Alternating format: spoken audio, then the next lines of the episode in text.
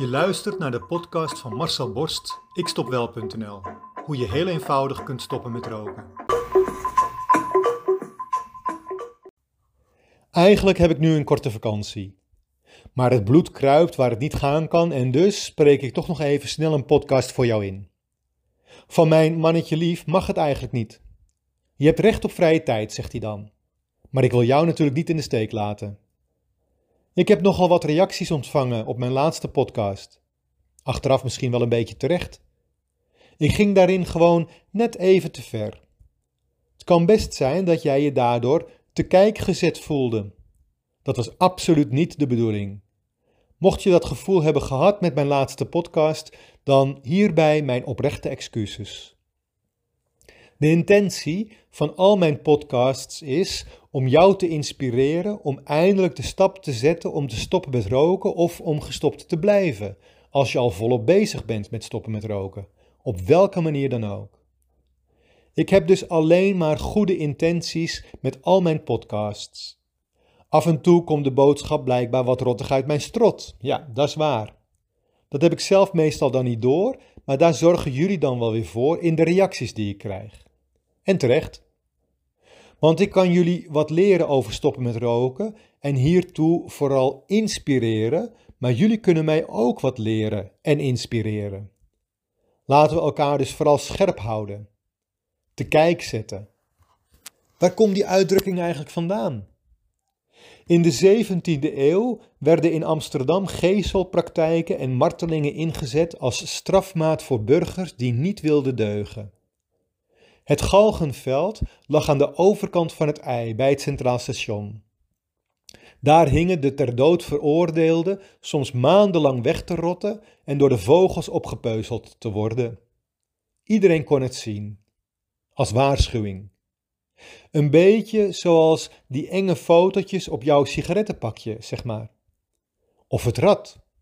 Bij radbraken werd je op een rond houten wiel vastgebonden. Publiekelijk werden dan al jouw ledematen gebroken. Als je voor galg en rat was opgegroeid, dan was je dus het criminele pad opgegaan. Maar eerst werd je veroordeeld. Dat gebeurde in de kelder van het stadhuis op de Dam, nu het paleis op de Dam. Aan de voorzijde zat een klein houten balkon. Daar werden de mensen onthoofd of opgehangen.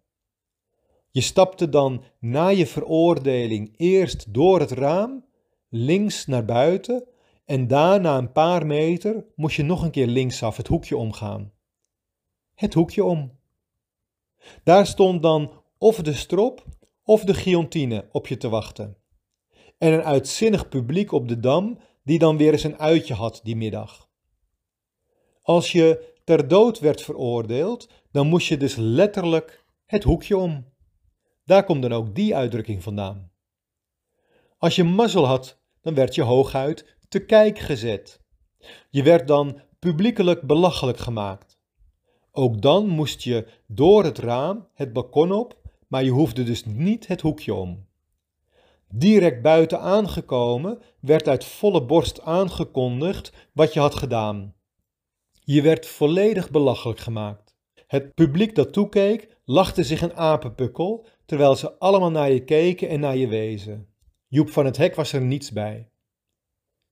Daarna kreeg je ook nog een tekst op je borst waar je foute gedrag op stond geschreven voor de laatkomers. En daar moest je dan gewoon lekker blijven staan, op dat balkon. Soms uren, soms dagen, soms weken. Je werd dus letterlijk te kijk gezet. Rokers worden ook vaak te kijk gezet.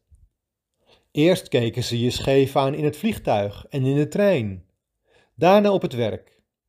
Toen mocht het niet meer in de bar en in het restaurant en straks mag het ook niet meer op straat of op het terras. Overal word je als roker te kijk gezet. Het schaambord zelf is niet meer nodig. Iedereen ziet immers dat jij rookt.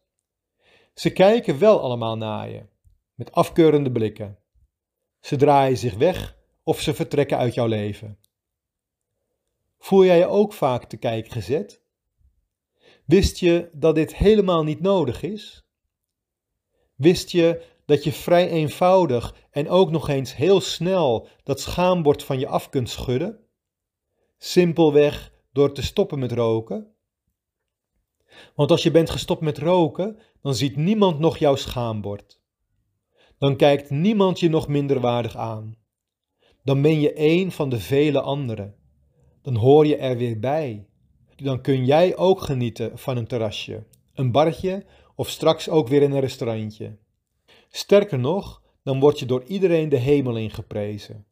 Want jij bent dan gestopt met roken. Jij wel.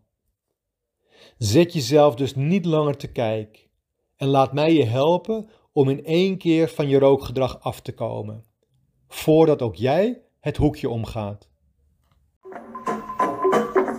Wil jij ook stoppen met roken?